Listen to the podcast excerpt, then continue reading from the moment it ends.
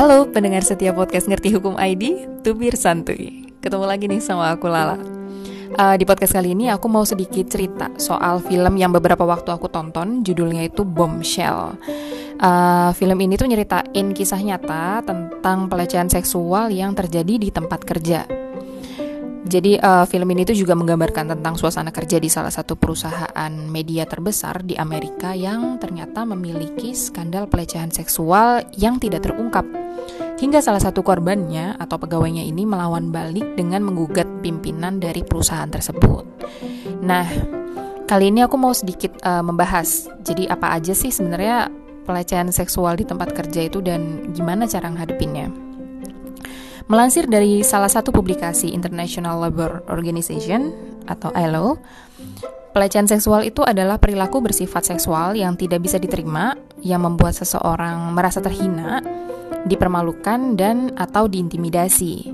Nah, pelecehan seksual ini juga terdiri dari banyak bentuk.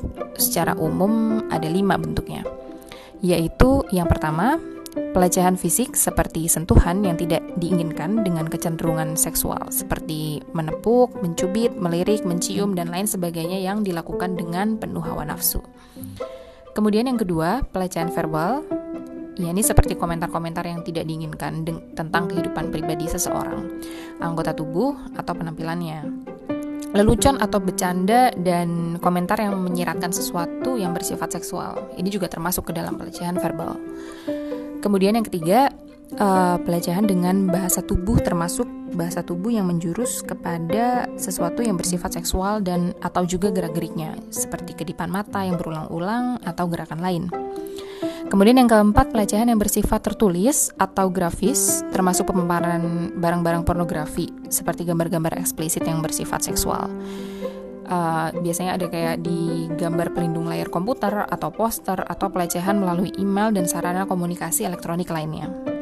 Nah, yang terakhir, bentuk dari pelecehan seksual ini adalah pelecehan psikologis atau emosional, yang termasuk di antaranya permintaan yang terus-menerus dan tidak diinginkan, undangan yang tidak diinginkan untuk pergi berkencan misalnya, hinaan-hinaan, ejekan-ejekan, dan sindiran-sindiran yang berkonotasi seksual.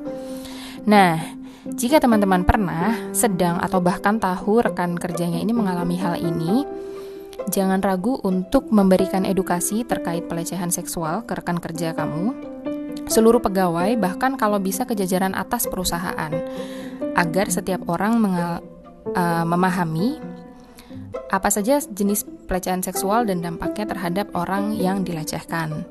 Kemudian yang kedua, uh, jika setelah edukasi ini ternyata pelecehan seksual tetap terjadi, kamu bisa juga melawan karena biasanya setelah dikonfrontasi oleh rekan kerjanya, pelaku pelecehan seksual ini akan terdiam dan malu sendiri. Intinya kapok lah ya.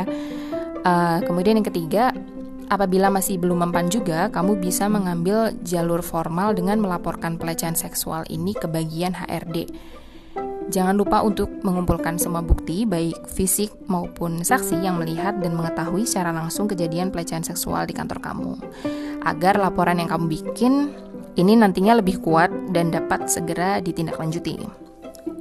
Kalau nih ya, kebanget bangetan gitu, ternyata perusahaan nggak ngerespon dengan uh, laporan kamu, uh, saat ini sih udah banyak akses untuk mendapatkan bantuan hukum jika kamu mengalami kekerasan seksual uh, yang bisa diakses melalui situs uh, lawhub.id atau di situs carilayanan.com.